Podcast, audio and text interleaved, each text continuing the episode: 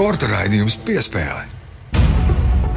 Latvijas radio pirmais kanāls studijā Mārtiņš Kļavinieks un Māris Bergs. Sveiks, Māri! Sveiks, Mārtiņš! Sveicināti klausītāji! Nekur tālu mēs neesam tikuši. Apmēram turpat, kur pagājušajā nedēļā, ja pirms nedēļas runājām par distanču slēpošanu, ciemos bija Patricija Eiduka. Tad eh, šonadēļ paliekam uz slēpēm, bet pievienojam eh, vēl kādu interesantu elementu. Uzliekam sev eh, krūšu rajonā tādu, nu, tādu plāksnīti, kurā iestiprināt karti un slēpojam uz mežu. Sanāk orientēšanās sports, sanāk ziemas orientēšanās šajā gadījumā. Kāpēc mēs par to runājam šīs nedēļas raidījumā? Nu, slēpes ir iesmērēts, nu, tad jāsāk slēpot. Ko tu tur daudz runāt? Nē, bet, bet ja nopietni, tad jau janvāra beigās un februāra sākumā aiznākamā nedēļa Madonās Meceras ilā notiks vērienīgākās šī sporta veida sacensības pasaulē. Pasaules kausa posms, arī Eiropas čempionāts tas būs vienlaikus, tāpat arī pasaules junioru un Eiropas jauniešu čempionāts. Tad ir četras dažādas kategorijas sacensībām, bet visas ir nozīmīgas un ciemos būs Meceras ila trases vadītājs Gunārs Ikaunieks Kalnieks un divi sportisti - Elīza Bremse un Gustavs Staņa. Par to mēs runāsim raidījuma vidū, otrajā pusē, pat, ja tā varam teikt, tātad lielajā intervijā. Taču tagad laiks neatņemamai raidījuma sastāvdaļai, proti, iknedēļas topam. Sporta raidījums piespēle kā jau katru svētdienu, un sākam ar nedēļas topu. Un Pirmā vieta pasaules sporta karalim futbolam un beidzot, beidzot Latvijas sporta un arī futbola līdzjutēji ir sagaidījuši to brīdi, Es domāju, ka diezgan ilgs laiks ir pagājis kopš uh, iepriekšējā latvieša, kurš uzreiz no virslīgas kluba ir pārgājis uz kādu no Eiropas piecām spēcīgākajām līgām. Tātad Anglija, Vācija, Francija, Spānija, Itālija šis lielais uh, Eiropas līgu piecinieks un Raimons Krollis. Uzreiz no Valmieras pāriet uz Itālijas A sērijas klubu Spēcijā. Uh, liels kāpiens karjerā Raimondam, taču jā, virslīgā viņš sevi ir pierādījis. Droši vien arī izsmēlis sevi, laiks spērt nākamo soli. Un, to līmeni viņš bija pāraudzis. Jā. Pilnīgi noteikti, jā, nu, Itālijas A sērija varbūt ne tik spēcīga kā pirms gadiem, 10, 15, taču tik un tā tā ir ārkārtīgi spēcīga līga. Vēlēsim Raimontam Krolim, lai viņam izdodas sevi parādīt A sērijā. Varbūt nav tā pati uzbrukošākā līga pasaulē. Anglijā tomēr futbols, vismaz manā skatījumā, ir uzbrukošāks, taču arī A sērijā uzbrucēji, it īpaši labi uzbrucēji, vienmēr būs augstā vērtē. Nu, viena laba ziņa, kas Raimondam varētu runāt par labu, ir tas, ka spēcīja šis klubs spēlē ar diviem uzbrucējiem vairumā gadījumu spēļu. Viņš varētu būt viens no tiem, piemēram, mēs, protams, nezinām, kas tad Raimondam ir solīts, kāda ir tā vienošanās, kas ir panākta. Nu, un, nu, iespējams, ka tajā pirmajā pusgadā viņš tik tiešām iepazīsies ar vidi un tikai ar skatu uz nākamo sezonu viņš ir nolīgts um, dalībai šajā komandā, bet spēcīja, nu, tas nebūtu nav Itālija. Latvijas A sērijas spēcīgākais klubs, 15. vieta, šobrīd 20 komandu konkurencē. Nesaka ne 5, ka beigu beigās sezonas izskaņā tomēr būs jācīnās par palikšanu A sērijā. Tāpēc nav zināms šobrīd, kur tad Raimons Krolis īsti spēlēs nākamā sezonā. Es varbūt nepiekritīšu mazliet tam, ko tu saki, ka Raimons ir pirkts ar skatu uz nākotni. Jā, tur ir skats uz nākotni, protams, viņš tiek pirkts arī perspektīvā, ka viņš varētu izaugt, progresēt, kļūt vēl labāks spēlētājs. Taču klubi janvāra transferu logā parasti nepērk spēlētājus, kas būs kaut kad pēc diviem, trim gadiem. Viņiem vajag spēlētāju tagad un tūlīt, un speciāli arī šāds spēlētājs ir nepieciešams, jo, kā Mārtiņa teica, viņi cīnās par palikšanu A sērijā. Viņi tur ir ap 11 vietām, tur 16, 15, kā, kāpēc kuras kārtas tur sakrīt. Līdz ar to viņiem ir jācīnās par palikšanu, un viņiem ir vajadzīgs spēlētājs. Tāpēc eh, arī ko futbola eksperti ir Latvijā runājuši, Raimons varētu būt nomināli otrais uzbrucējs šajā komandā, tādā, tādā uzbrucēju reitingā. Tāpēc ir jāspēlē. Nu, un es arī domāju, ka labāk ir aiziet uz šādu 15. vietas komandu Itālijā, kur tev tiks dotas iespējas spēlēt, nevis aiziet uz Milānu, kādu no Milānas lielajām komandām, vai aiziet uz kādu no Romas lielajām komandām, kur arī divas AS Roma, mūsu bijušā kolēģa Jāņa Lazdāna mīļākā komanda. Sveiciens Jānim! Jā, vai arī Romas Lācijo, nīstā, ļoti nīsti pretinieki viens otram šajā pilsētā. Uz tādām komandām nav vērts iet, tur spēlētāji var ļoti ātri pazust. Nu, vēlam veiksmes un izdošanos Raimondam Krolim, Itālijas um, A sērijas klubā Spēcijā, bet mēs dodamies tālāk uh, šīs nedēļas topā. Un eh, nedēļas topā otrais pieturas punkts uzreiz pēc futbola. Vēl viens karalisks sporta veids - tenis. Un eh, Aļonu Stapenko mums ir jādaudzina ne tikai šodien, bet arī citās dienās. Bet šodien īpaši, jo šorīt agri no rīta eh, Austrālijas atklātajā čempionātā Aļonu Stapenko sasniedza ceturdaļu finālu pirmo reizi savā karjerā. Pirmo reizi arī Latvijas sieviešu tenisa vēsturē vienspēlēs. Līdz ar to tā ir vēsturiska diena pārspēja amerikānieti Koko Gofu un pārliecinoši pārspēja divos setos, 7-5, 6-3. Pirmajā setā atspēlēja 6 no 7 breakbumbām. Aļona ir pilnībā apgāzusi manus vārdus no pagājušās nedēļas, kad es teicu, ka dubultspēlēs viņa tik tālu un viens spēlēs ātri apstāsies. Ir sanācis pilnīgi otrādi, jo dubultspēlēs Aļona jau ir izstājusies šīs nedēļas vidū, pirmajā kārtā zaudējums, taču viens spēlēs ceturtdaļfināls. Katrā ziņā man ir prieks, ka viņi pierādīja, ka man nav taisnība šajā gadījumā. Viņi klausījās, kā jau mēs pagājušajā nedēļā teicām, klausījās un sadusmojās un grib pierādīt pretējo. Bet, ja mēs nopietni paskatāmies statistikas datos, tad četras neatvairāmas sērijas pret uh, Koko Golfs sešām, bet tikai trīs dubultkļūdas, kas Saļonai tik tiešām ir nulīti, varētu arī būt statistikā pie dubultkļūdām. Un uh, pirmās sērijas procents - 65%, kas arī viņai ir ļoti labs rādītājs. Tur noteikti vēl būtu jāapstāsta, cik daudz no šīm pirmajām servēm pēc tam ir pārvērstas punktos. Tas arī ir būtisks statistikas rādītājs, jo viena lieta ir trāpīt pirmo servi, bet kaut kas pavisam cits ir pirmo servi pēc tam pārvērst arī punktā. 80%. Tas ir izcils rādītājs, tas ir tiešām augsts rādītājs. Kāpēc mēs Ļaunu esam iepriekš kritizējuši? Šī spēle parāda, kāpēc. Tāpēc, ka mēs redzam, kā viņi var spēlēt precīzi, pa stūriem, ātri, spēcīgi. Un tad, kad viņi tā nespēlē, tas vienkārši krīt uz nerviem. Jo šādi viņa var spēlēt. Mēs zinām, ka viņi to var un viņi to spēj darīt arī regulāri. Cīņā par pusfinālu vēl augstāku sasniegumu Jeļena Ribakina 2022. gada Wimbledonas čempionu nāks pretī Aļonai. Un katrā ziņā arī labā formā esoši Wimbledonas čempioni, jo viņi izslēdza nu, pat 4. kārtā šī turnīra galveno favorītu pasaules ranga līderi Igu Šjonteku. Tā kā kļūs tikai grūtāk. Jā, nu sekosim līdzi Aļonas. Cerams, ka vēl sekojošajiem panākumiem Austrālijā. Būtu jauki, Mārtiņ, ja mēs būtu devušies uz Melburnu, atrastos tur fiziski uz vietas Austrālijā. Tas patīkams laiks. Pirms tam Adelaides turnīrā, pirms Austrālijas atklātā čempionāta, tur bija knišļu un dažādu insektu uzbrukums, kad bija ne tikai pa bumbiņu jāsit, bet jāatgaņājas arī no kukaiņiem.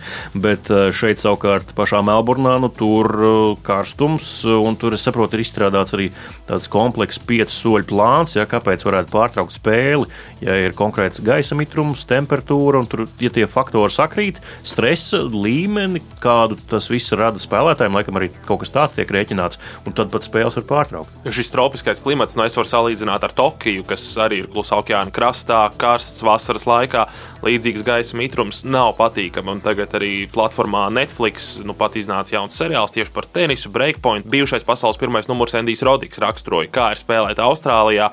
Šeit iedomājieties, ka visu laiku tev pūš virsū fēns. Nu, apmēram tāda ir sajūta. Tur karstā gaisa fēns. Novaks Džokovičs uzvarēja pirmajā kārtā, un tā atgriešanās viņam Austrālijā izskatās, ka viņš nav pārāk apvainojies par pagājušā gada notikumiem, kad viņu deportēja. Ko viņam tur apvainot? Pats viņš bija vainīgs. Pats viņš bija vainīgs. Viņš ļoti labi zināja, kas ir Austrālijā jāizdara, lai tu varētu iebraukt, kādi ir dokumenti jāiesniedz. Pats viņš visu sabojāja, un pats tad arī dabūja izjust sakas savai rīcībai.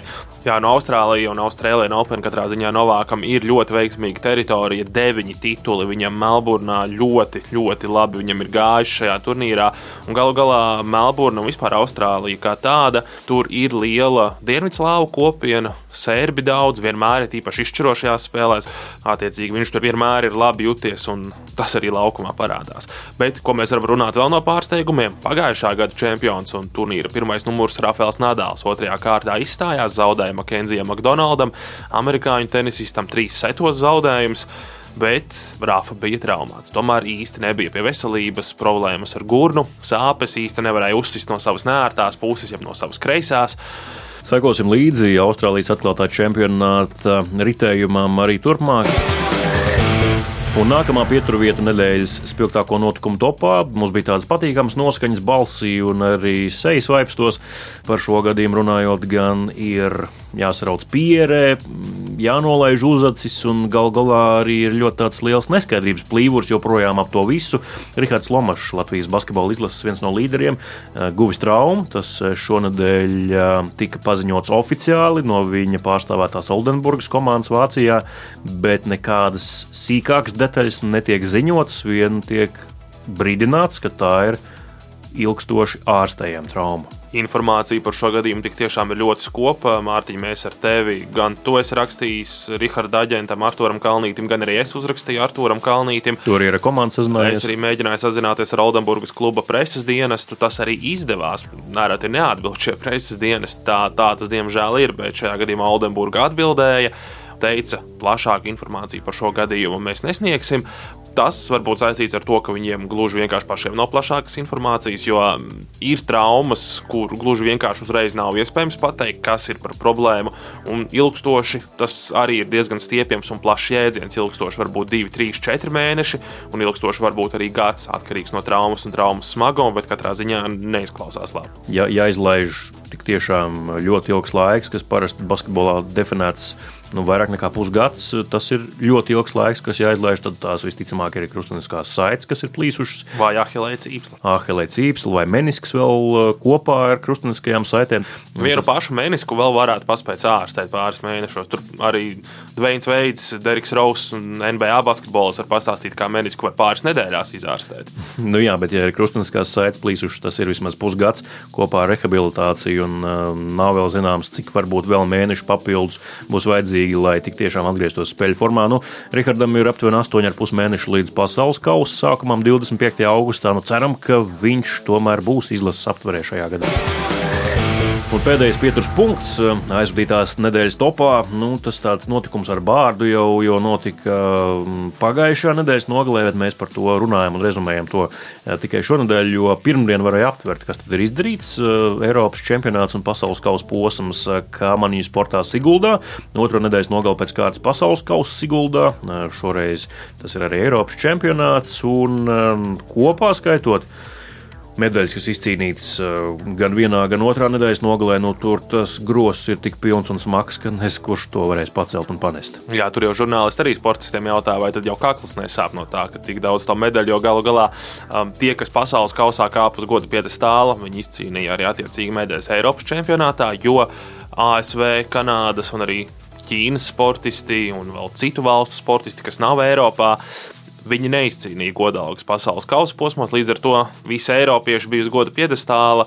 Tad viņiem bija divas medaļas, viena par pasaules kausu, viena par Eiropas čempionātu. Nu, neuzturiet šīs medaļas kā kaut ko neparastu vai ārpus kārtas. Tas, protams, ir daudzināmi, bet zinot to, kāds apjoms valsts finansē viņos tiek ieguldīts, kāds viņiem ir Latvijas Olimpiskās vienības atbalsts, pārliecinoši visvairāk sportisti ir no kamanām tieši Olimpiskās vienības sastāvā. Līdz ar to tas ir tikai likumsakarīgi mājas trāsas klasē, sportistu daudz, tie ir meistarīgi, laba jauno sportistu attaudze. Mums no viņiem ir jāprasa šīs medaļas. Tieši tā, tur varētu sākt uzdot jautājumus, kas tas bija, ja, jūs, ja viņi nebūtu dabūjuši medaļas. Skaidrs, ka Vācija mums ir ārpus konkurences, bet nu, vāciešiem no viena no nacionālajiem TV kanāliem bija atbraukusi vesela filmēšanas grupa, un mēs varam tikai apskaust, ar kādu tehniku viņi bija atbraukuši un kādā sastāvā. Ai, ne par to šoreiz, ne par tās citas stāsts citam raidījumam un citam raidlaikam. Bet mēs eh, liekam punktu nedēļas topam eh, un eh, dodamies tālāk raidījumā, un tuliņ jau studijas viesi sēdīsies pie mikrofoniem un runāsim par ziemas orientēšanos. Sporta raidījums piespēlē. Studijā Mārtiņš Kļavinieks un Māris Bergs. Māri un šoreiz nu, slēpes, gluži kā pagājušā nedēļā, tepat vien paliek, bet drusku citā izpildījumā, vai ne? Jā, pilnīgi precīzi, Mārtiņ, tu saki, slēpes ir arī šajā sporta veidā, par ko mēs šodien runājam. Tā ir ziemas orientēšanās. Lai labāk izprastu šo sporta veidu un saprastu, kas tad īsti ir ziemas orientēšanās, kā tas notiek, tāpēc mums ir arī vairāki viesi šodien studijā. Madonā aiznākamā nedēļa notiks vērienīgākās šīs sporta veida sacensības pasaulē, gan pasaules kausa posms, Eiropas čempionāts, tāpat arī pasaules um, čempionāts junioriem un arī Eiropas čempionāts jauniešiem. Un, lai par to visu runātu, protams, um, ka ir jāaicina kompetenti viesi, un to mēs šodien arī esam izdarījuši. Un studijā šodien ir Gunārs Ikaunieks, sacensību direktors un arī sporta un atpūtas bāzes smēceres sils vadītājs. Sveiks, Gunār! Sveiki! Tāpat arī šeit ir divi sportisti, un sāksim no dāmām, proti Elīza Bremse, Latvijas izlases dalībniece. Sveiki! Sveiki! Gustavs Staņers šeit, arī sportists pagājušajā pasaules junior čempionātā trešā vieta. Sveiks! Sveiki. Tad droši vien, ka sāksim ar tādiem pamatjautājumiem, jo mēs ar Māru atzīsimies arī klausītājiem, neesam šī sporta veida speciālisti. Tas ir tā maigi teikts. Varbūt sportistiem sāksim arī ar jautājumu. Kas tad īsti ir ziemas orientēšanās? Kā jūs to raksturotu tiem, kuri to nekad nav redzējuši, par to dzirdējuši? Kas tas ir? Mēs braucam mežā ar slēpēm, slēpojam pa mežu, un mums ir karte, ar kuru mēs pa mežā iebrauktām špūrītēm tādām kā taciņām, mēģinam atrast vislabākos variantus, lai nokļūtu līdz kontrolpunktiem. Respektīvi, orientēšanās. Bet uz slēpēm. Jā, pa tādu trašu tīklu, kas izbrauks mežā, un tev kartē attiecīgi šis tīkls iezīmēts. Un, kā jau izteicu, mēģina atrast labāko ceļu līdz nākamajam punktam. Bet tā slēpošana, kā mēs pagājušajā nedēļā skaidrojām, ir vairāk slēpošanas veidi, tehnikas. Slēpošana notiek klasiskajā stilā, ja es pareizi saprotu. Principā slidsolī, špūru tīkli, trašu tīkli ir eh, tik šauri, ka īsti slidsolī nevar pabraukt, un tādēļ lielākoties notiek tāda kā klasiskā stila stumšanās. Bet, nu, tik līdz ir iespēja braukt slidsolī, braukt slidsolī. Kad slēpo kājās, protams, slēpes, rokās turam nūjas, tad tā arī nu, viss ķermenis strādā slēpošanas laikā. Pa kuru laiku jūs orientējaties? Mēs orientējamies tajā pašā brīdī, kad mēs slēpojam. Mums priekšā ir uh, uh, galds, planšete, tā saucās, uz kura, kurā mums ir ielikta karte un tajā mēs skatāmies visizdevīgākajos brīžos. Parasti, kad nav jābrauc lejā no kalna, jo tad jau ir jāstāsta, kur brauc. Tas galvenā atšķirība ir šī saucamā planšete, ko stiprina pie krūškurvja. Un viņas apmēram pusmetru no sejas tev tur karti uz tāda galdiņa, un tad jā, brauc pēc šīs kartes, nevis kā vasarā pēc kartes turēšanas rokās. Īsumā, kā katrs no jums nonāca līdz šim sporta veidam? Ogrē trenējos, slēpoju, orientējos, un tad jau kādā brīdī to nācās apvienot. Treneri piedāvāja, aizvedu uz pirmajām sacensībām, man iepatikās, un tā joprojām to daru. Es nodarbojos ar slēpošanu. Daudzus gadus sporta skolā Arkādijā, Rīgā trenēju slēpošanā, un arī ar vecākiem biju kopā sācis orientēties. Abi sapināšu šie sporta veidi vēl nedaudz ar Gunāra palīdzību tur iebīdījos vairāk tajā.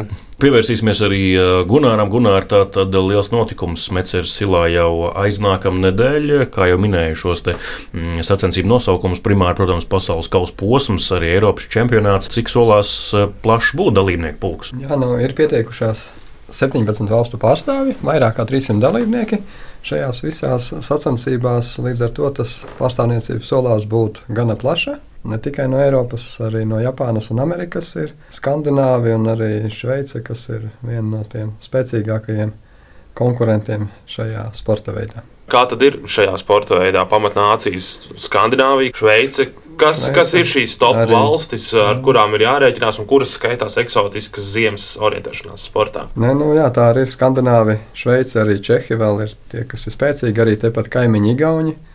Eh, jo šobrīd pasaules ranga līderi ir Igauniete. Daisija Kudreša nederē. Tomēr nu, tie sniega apstākļi trases un tas ir svarīgi. Uzreiz jautājums, kur Latvija šajā visā kotējas? Mēs esam augšā vai drīzāk pie tās eksotikas? Droši vien, ka pa vidu pie eksotikas noteikti mēs nepieskaitīsimies, jo tomēr nu, pēdējo gadu laikā arī medaļas ir izcīnītas. Vai uh, ir pārliecība, ka sniega pietiks Smēķeres silā? Kā tur šobrīd ir un kā solās būt uh, sacensību laikā? Jā, nu, protams, dabas apstākļi tas ir viens no lielākajiem izaicinājumiem. Uh, sniegs mežā ir pietiekami šobrīd. Protams, nāksies pastrādāt pie vietām, kas ir kritiskākas. Tas ir fakts, jo, protams, arī Madonā ir bijuši atkušņi un lietus periodi, bet kopumā Par laimi jau no novembra sniegs sniga, un decembrī viņa bija ļoti daudz, un bija ļoti labi apstākļi. Šajā nedēļā tas, kas nonāca, protams, ir ietekmējis Bet, bet esam pārliecināti, ka sacensības varēsim norganizēt, un pasaules labākie orientieristi pēc nedēļas pulcēsies Madonā. Jums ir kāds konteiners, kur uzkrājat sniegu no pagājušā gada? Jā, mums ir sniega depozīts. Faktiski šobrīd domāju apmēram 8000 kubikmetru apjomā. Tas gan noteikti vairāk domāts biatlons un varbūt slēpošanas mači, kas arī tālāk gaidāms Meceras silā, jo mežā, kā saka, visā sniegu nesagādāsi, jo priekš ziemas orientēšanās noteikti ir vajadzīgs dabīgais sniegs, jo trašu tīkls plānotais bija tuvu 100 km. Šobrīd nedaudz noteikti arī izkritīs. Tur tā specifika ir, ka ir svarīgi, lai būtu biezs trašu tīkls un sportistiem nebūtu tik vienkārši atrast varbūt labāko un ātrāko variantu. Un jāņem vērā ne tikai šis tīklojums, bet arī smeceres sila kalni, kas ir ietekmē arī šo variantu izvēli. Kā vispār šis strašu tīkls tiek veidots? Jo 80 km kopgarums vai pat 100 tas ir ļoti, ļoti daudz. Cik plašā teritorijā tā tiek izvietotas šīs trases? Tā teritorija īstenībā nav nemaz tik liela - 5 līdz 6 km2. Un, un, un, bet tas tīkls ir blīvs, jā, kas arī nodrošina to, ka šī orientēšanās nav nemaz tik vienkārša. Jo ir jāspēj ļoti ātri slēpot un arī rast precīzākos risinājumus. Kā vispār fiziski tās trases eh, tiek iebrauktas, jo sportists stāstīja, tātad ir špūres. Pamats ir lielās trases, eh, kas arī tiek izmantotas slēpošanai, kas ir platās trases, un starp tām arī atrastas vietas, kur var izveidot eh, šīs šaurās trasītes, kas ir iebrauktas ar sniega motociklu, kuras ir no 80 cm līdz 1,20 m platumā tikai. Un tāpēc arī, kā minēja sportisti, tad jā, bieži vien nākas ļoti daudz stumties, strādāt ar rokām, jo braukt normāli līdzsolī tur nevar. Jā. Kā jūs katrs esat sagatavojušies šīm sacensībām? Jā, jāgatavojās ir visu gadu. Jau vasarā mums bija kopīgas treniņu nometnes, daudz treniņi, trenējāmies, braucām ar rollerslēpēm, orientējāmies, un tad ziemā, drīzāk jau rudenī, braucām uz pirmo sniegu, kamēr Latvijā vēl nebija sniegs, braucām slāpot. Un, uh, tagad ir atlicis tas pēdējais, sagatavoties pašām sacensībām. Un, manuprāt, gatavība ir diezgan laba, jo tomēr ir Madonā čempionāts un ir ļoti liels prieks par šādu čempionātu tepat mājās. Kas organizē to braukšanu uz ārvalstīm, lai trenētos sniegā? Federācija, orientēšanās federācija, kāds cits? Nu, manuprāt, pārsvarā jau treneri to organizē. Gunārs un uh, mans treneris Nauris Neimanis ļoti apņēmīgi un tiešām daudz un ja, labas idejas izdomā.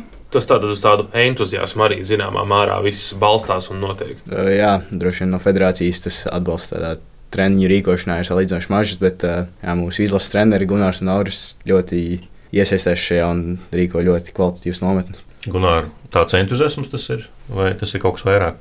Jā, nē, nu, man šis sports patīk ļoti, un tāpēc es to daru. Man ir ļoti prieks, ka ir jaunieši, kuri tiešām grib un ir ļoti mērķiecīgi, tad arī prieks strādāt, un arī tas entuziasms ir. Jo tā komanda jaunā ir ļoti laba, un es ceru, ka tiks parādīts vēlāk ne tikai jauniešu grupās, bet arī pieaugušo labi rezultāti, jo viņi ir spējīgi un arī ļoti motivēti. Jā, Elīze jau stāstīja, kāds ir tas vasaras darbs arī ar rollerslēpēm un orientēšanos tajā. Iekļaujas arī tāda piedalīšanās klasiskās orientēšanās sacensībās vasarā?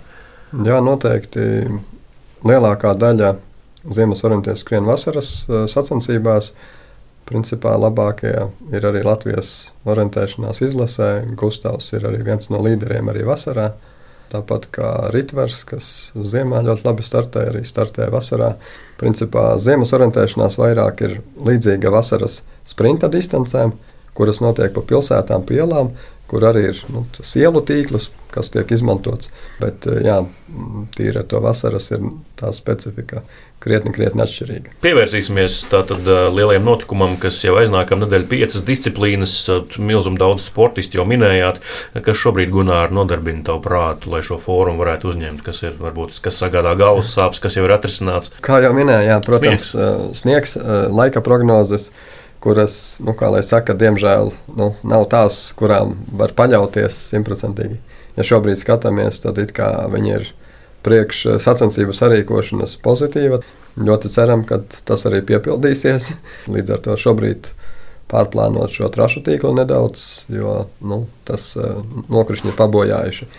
Tas ir pārējās lietas, protams, jau ir nu, ilgtermiņā gatavotas un darītas. Vai jums ir arī kādas atkāpšanās iespējas? Jo redzējām, vēl pagājušajā nedēļā Rallija alūksni pārstāvi bija ļoti pārliecināti. Rallijas būs, ledus ir daudz, sniegs ir daudz, viss notiks.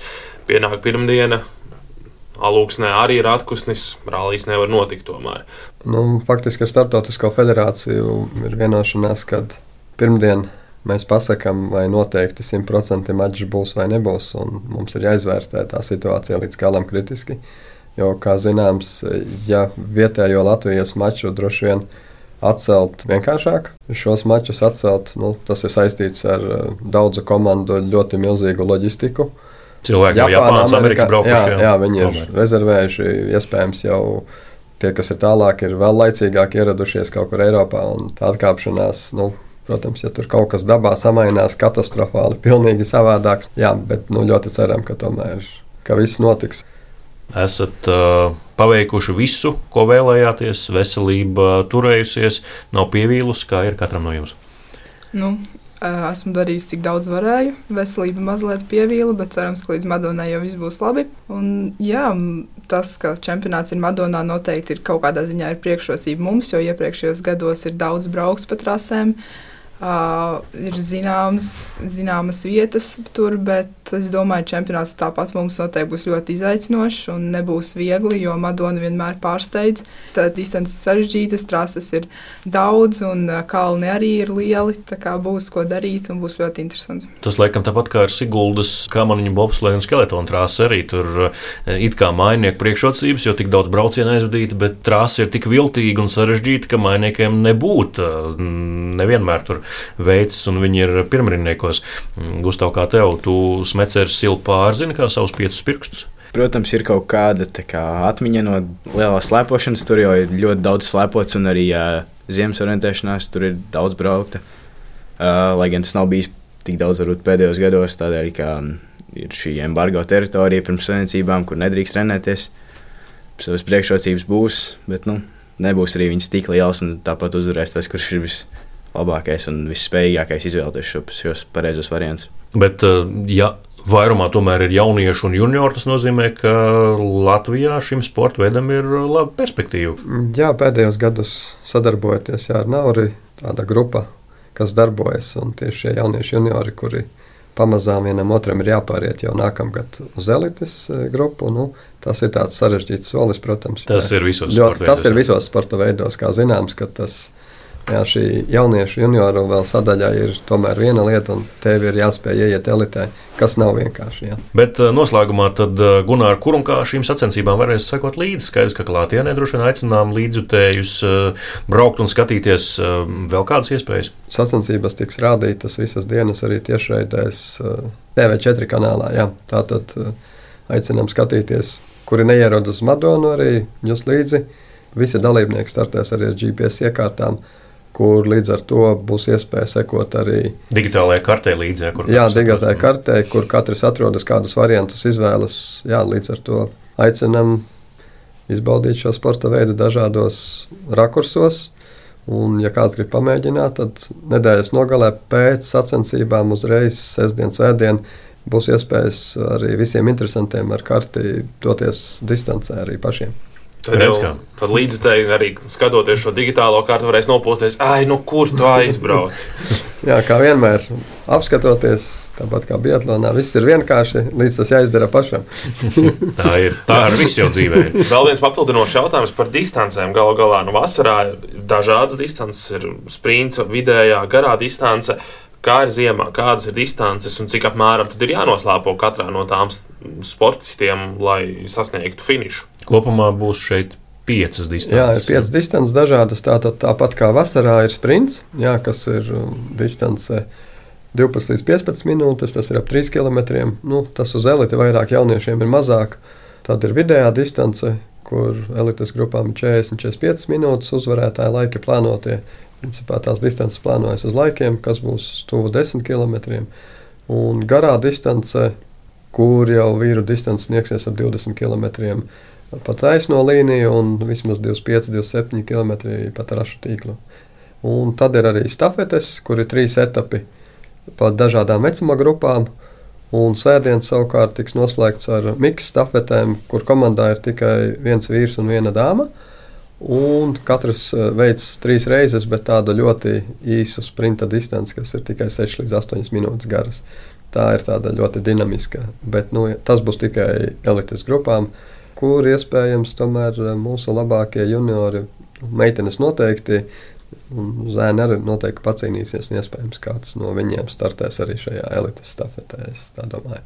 tā ir tāda ļoti dinamiska, aizraujoša arī distance. Un garā distance būs ar masu startu, kas arī ir tāda interesantāka un specifiskāka, jo visi dalībnieki startē reizē. Tur gan ir izsēšanas metodes. Uh, distancē, ka tie apļi uzreiz nav vienādi visi, tā ka tīri līdzi braukt arī nevar. Elīze, Gustav, kādās distancēs mēs jūs varēsim redzēt un vērot? Individuālajās distancēs pilnīgi noteikti visās. Stafetē, kas ir uh, savas grupas trīs etapu stafete, arī noteikti vēl, vēl ir atkarīgs, uh, kādās komandās mēs būsim šajās stafetēs. Un tad par to uh, sprinta stafeti tur attiecīgi skatīsies, kura ir no manām konkurentēm, vai es startēs. Gustav? Jā, nu, plānoju piedalīties trijās individuālajās, tad stafetē, un tad par miksu stafetē vēl laikam īstenībā pārliecināts. Jā, nu, tur no rezultātiem atkarīgs, kurš būs labākajā kondīcijā. Tie noteikti arī skries šo miksu stafeti, kas ir svētdienas noslēgumā. Sekosim līdzi. Paldies, ka šodien atnācāt uz Latvijas radio studiju. Tātad Gunārs Ikaunieks, sacensību direktors un sporta un atpūtas bāzes smecers sils vadītājs, tāpat arī divi sportisti, Elīze Brēmzi un Gustavs Staņa bija šeit studijā. Paldies jums visiem trim. Un, nu, jāsaka tā, nu, lai izdodas, lai lauskis spēr, tāds minimāls mīnus, daudz sniega un eh, slēpjas slīd. Tas arī nav mazs. Paldies! Un tiekamies kā citu reizi. Paldies! Uz redzēšanos! Paldies! Sporta raidījums piespēle. Lūk, nedaudz esam iepazinuši, kas tad īsti ir ziemas orientēšanās. Mēs katrā ziņā mazliet vairāk esam sapratuši un sev acu priekšā varējām uzburt šo ainiņu, kā tas viss izskatās dabā. Katram sporta veidam jau ir sava vēsture, kā tas ir radies, kā attīstījies un mūsu štata vēsturnieks, kurš arī drīz būs diplomāts vēsturnieks, es ceru, jo tieši apgūst šo specialitāti arī augstskolā Reinis um, Grunspeņš, papētīja, kā tad ziemas orientēšanās radusies, kā attīstījusies un kādi interesanti fakti saistās ar šo sporta veidu. Vēstures stūrītis. Orientēšanās ar slēpēm meža vidū nebūtu nav jauns nodarbošanās veids, to piekopjot mūsu senčiem tālā pagātnē. Tomēr ziemas orientēšanās kā organizēta sporta veida pirmsākumi ir meklējami 19. gadsimta beigās Skandināvijā. 1887. gadā notika pirmās zināmās sacensības šajā sporta veidā, kuras organizēja sporta klubs Vīdar Zviedrijas pilsētā Sundsvallā. Sacensības, kas veicināja ziemas orientēšanās plašāku izrāvienu, notika 1900. gadā. Tās rīkoja īpaša asociācija distanču slāpošanas veicināšanai Zviedrijā, un tajās pirmo reizi sportisti varēja izvēlēties brīvu maršrutu starp kontrolpunktiem. Pirmsākumos trašu tīkls bija krietni plašāks nekā šobrīd, sasniedzot līdz pat 200 km starp tālākajiem kontrolpunktiem. Labākās komandas finiša sasniegšanai patērēja vairāk nekā diennakti, piemēram, 28 stundas. Jāpiemin, ka iesākumā orientēšanās bija militāra apmācība, kas vēlāk kļuva par sacensībām ne tikai militāru personām, bet arī sportistiem. Orientēšanās ar slēpēm ir tikpat sena kā parastā orientēšanās, un atsevišķos faktos pat ir vecāka. Piemēram, pirmais Zviedrijas čempionāts parastajā orientēšanās sportā notika 1935. gadā, bet valsts čempioni orientēšanās stafetē uz slēpēm tika noskaidroti jau pirms Pirmā pasaules kara 1910. gadā. Tāpat arī pašas pirmās sacensības parastajā orientēšanā vēsturnieki ir noteikuši dažus gadus vēlāk nekā iepriekš minētās ziemas sacensības 1887. gadā Sundsvallā. Tas tādēļ, ka orientēšanās uz slēpēm pirmsākumos tika likts visai mazs uzsvars uz pašu orientēšanos, par cik trasi dalībniekiem paziņoja labu laiku iepriekš, un nereti trašu tīkls tika iemēģināts jau treniņos pirms sacensībām. Svarīgi pieminēt, ka par orientēšanās tēvu tiek dēvēts Zviedru armijas virsnieks Ernsts Killanders, kurš starpkaru periodā izstrādāja sporta veidu noteikumus un paveica lielu darbu orientēšanās popularizēšanā. 1949. gadā ziemas orientēšanos kā sporta veidu oficiāli atzina Startautiskā olimpiskā komiteja, tomēr Olimpisko spēļu programmā tā vēl nereizi nav tikusi iekļauta. Sporta veids gan ir uz to pretendējis un joprojām pie tā aktīvi strādā. Plašs solis šajā virzienā tika spērts pirms diviem gadiem, kad tika paziņots, ka ziemas orientēšanās sākot ar 2027. gadu būs iekļauta oficiālajā ziemas universiādes programmā. Sporta veids piedzīvoja būtiskas izmaiņas 70. gados, kad parādījās sniega motocikli. Pirms tam sacensības notika pa meža takām vai lauku ceļiem, bet tagad bija iespēja reljefā ierīkot sacensībām paredzētus ceļus.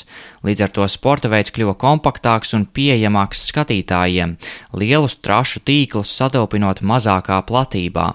Pirmais pasaules čempionāts ziemas orientēšanā notika 1975. gadā Somijā.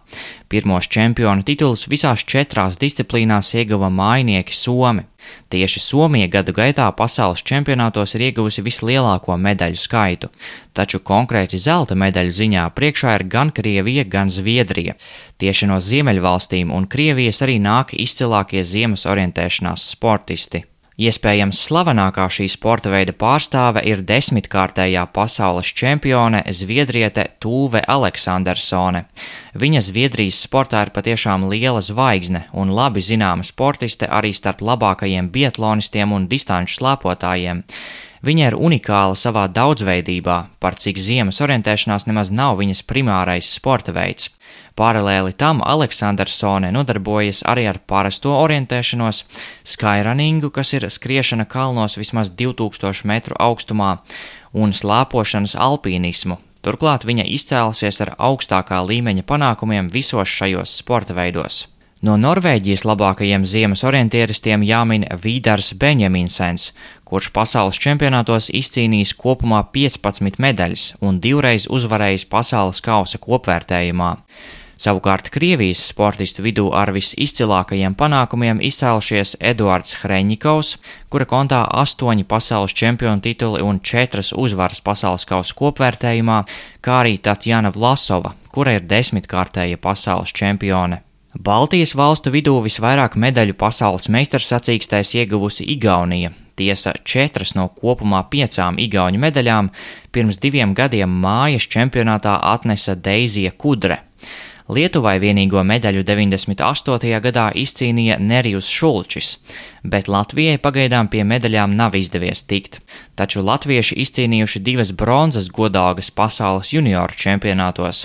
2014. gadā to paveicot Naurim Raizem, bet pērn Gustavam Staņam. Pirmais Latvijas čempionāts ziemas orientēšanās notika 1967. gadā Ērgļos, par pirmajiem uzvarētājiem kļūstot Līvijai Nātrai un Arno Līcim.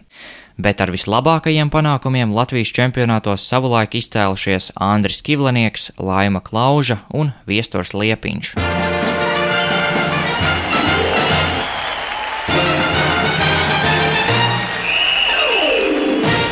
Piespēle Latvijas radio pirmais kanāls, Svētdienas studijā Mārtiņš Kļavinieks un uh, Māris Bergs. Paldies Reinim par ieskatu ziemas orientēšanās vēsturē, bet uh, mums līdz ar to arī uh, jāmet slēpes un nūjas malā, kārtas jāliek um, kastītē. Nu, jāgaida šīs sacensības Smēķers cilā un jāatdodās no jums šajā nedēļā. Jā, ar to arī izskan šīs nedēļas raidījums. Uzreiz piebildīsim, ka nākamās nedēļas raidījums būs mēneša pēdējais, tātad janvāra pēdējā nedēļa. Ko tas un, nozīmē? Un arī šajā gadā tas nozīmē, ka būs tradicionālā rubrika ciemos pie Gunāra Jākapsona. Un es zinu, ar ko Gunārs sarunāsies nākamajā gadā. Es arī zinu. Un mums sajā ir jau tagad, jo izcili leģendāra, spilgta sporta personība Latvijā. Elks, uz ko tiekties ne tikai sportiskā ziņā, bet arī tāda sava mugurkaula ziņā, savas pārliecības par savas tautas, zemes varenību, personību, no kuras var daudz mācīties. Pilnīgi noteikti, un domāju, ka arī dažiem sporta līdzekļiem jau mēlis galā ir pareizā atbilde, kurš ir šis cilvēks, katrā ziņā izcila sasnieguma laukumā, ko pavada arī tiešām savas stājas demonstrēšana, patriotiskums un visas šīs lietas. Bet kurš būs ciemos pie Gunāra Jākapsona un kas būs galu galā ciemos pie mums studijā, to visu uzzināsiet pēc nedēļas. Tiekamies!